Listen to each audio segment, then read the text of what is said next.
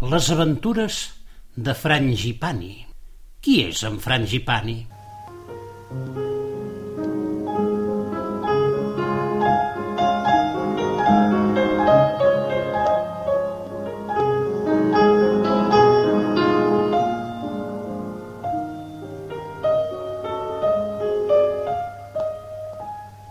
Frangipani és un noi molt especial.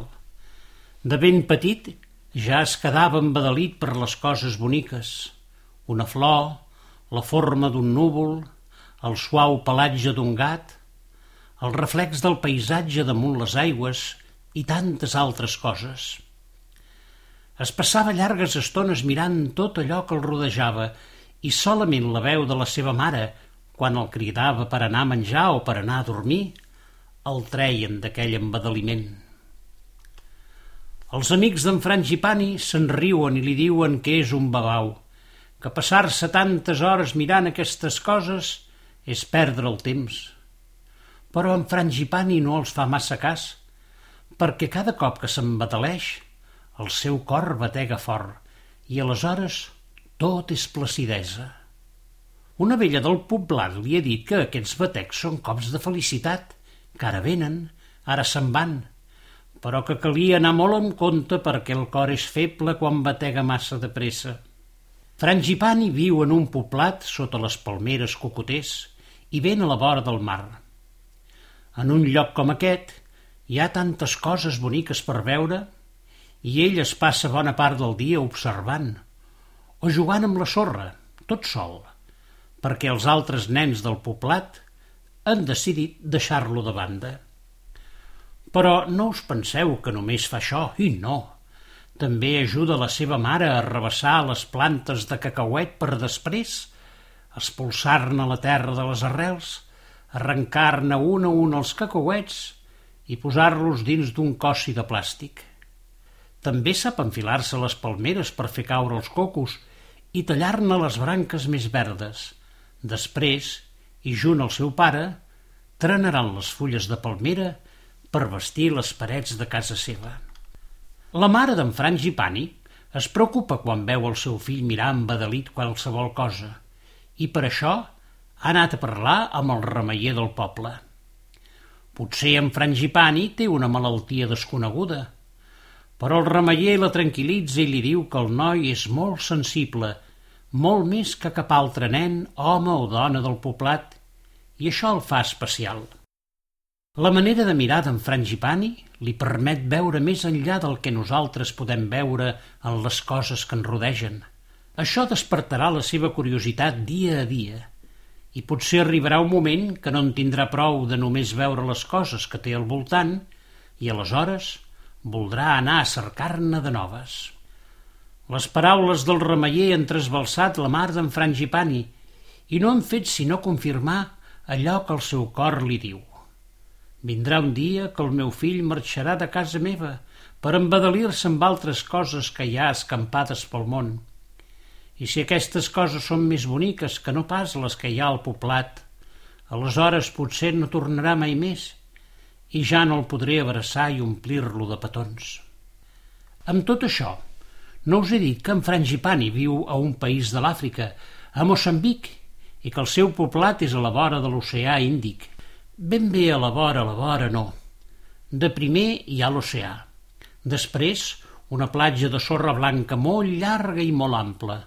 Després, un bosc de palmeres i matolls i enmig d'aquest bosc, el seu poblat. Una munió de cases vestides amb blocs de formigó i fulles de palmera. Més enllà del bosc hi ha la carretera per on hi passen els automòbils dels turistes que visiten el seu país. Els autobusos, els camions carregats de mercaderies i camionetes tan atapeïdes de gent que sembla que hagin de caure d'un moment a l'altre. Frangipani va cada dia a l'escola i ho fa a peu, resseguint la carretera.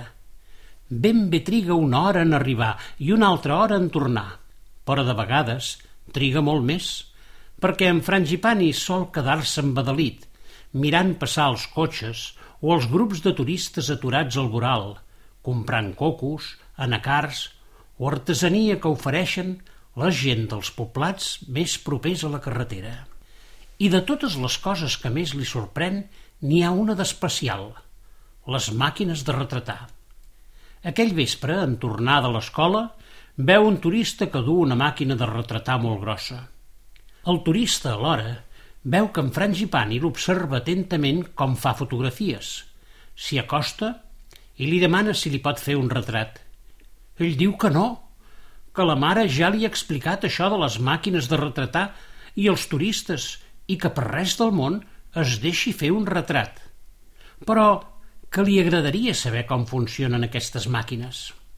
El turista s'hi està una bona estona explicant-li el funcionament de la màquina, perquè resulta que és un fotògraf professional que, a més, dona classes de fotografia en una universitat molt llunyana. Tan encuriosit i atent veu en Frangipani que en acabat li regala una petita càmera digital perquè faci fotografies. Només hi posa una condició, que quan tingui plena la memòria li enviï per correu. Podeu comptar l'alegria d'en Frangipani que a partir d'ara podrà retratar totes aquelles coses que més li agraden per poder-les tornar a veure tantes vegades com vulgui. Aquella petita màquina digital és l'enveja dels seus companys que, ara sí, tots li volen ser amics per poder mirar les fotografies per la pantalla i fins i tot poder ser ells els retratats. Ha estat tal l'enrenou que el cap del poblat ha hagut d'establir un ordre perquè tothom pugui mirar per la petita pantalla. Els dies van passant i en Frangipani no fa més que fer retrats.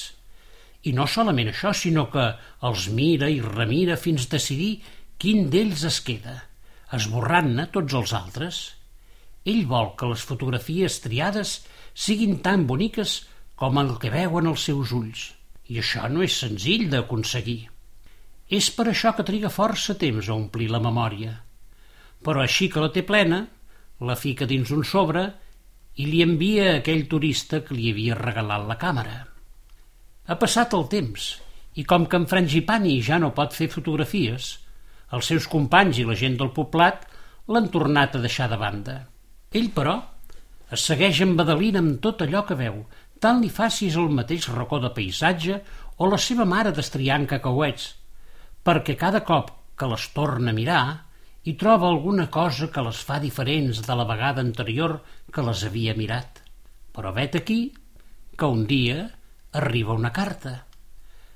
A dins de la carta hi ha una nova memòria per la càmera, però a més dos bitllets d'avió per anar al país del fotògraf i una carta on aquest convida a Frangipani i a la seva mare perquè vinguin a veure una exposició que ha muntat amb les fotografies que el noi li havia enviat. Quin enrenou al poblat! Fins i tot s'ha fet una reunió del Consell Municipal per parlar de l'assumpte. No en va és la primera vegada que un representant del poblat anirà a l'estranger i bé cal que faci un bon paper.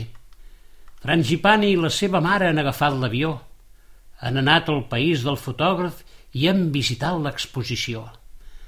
També ha hagut de respondre un munt de preguntes dels periodistes especialitzats i fins i tot anar a ràdios i televisions perquè li facin entrevistes.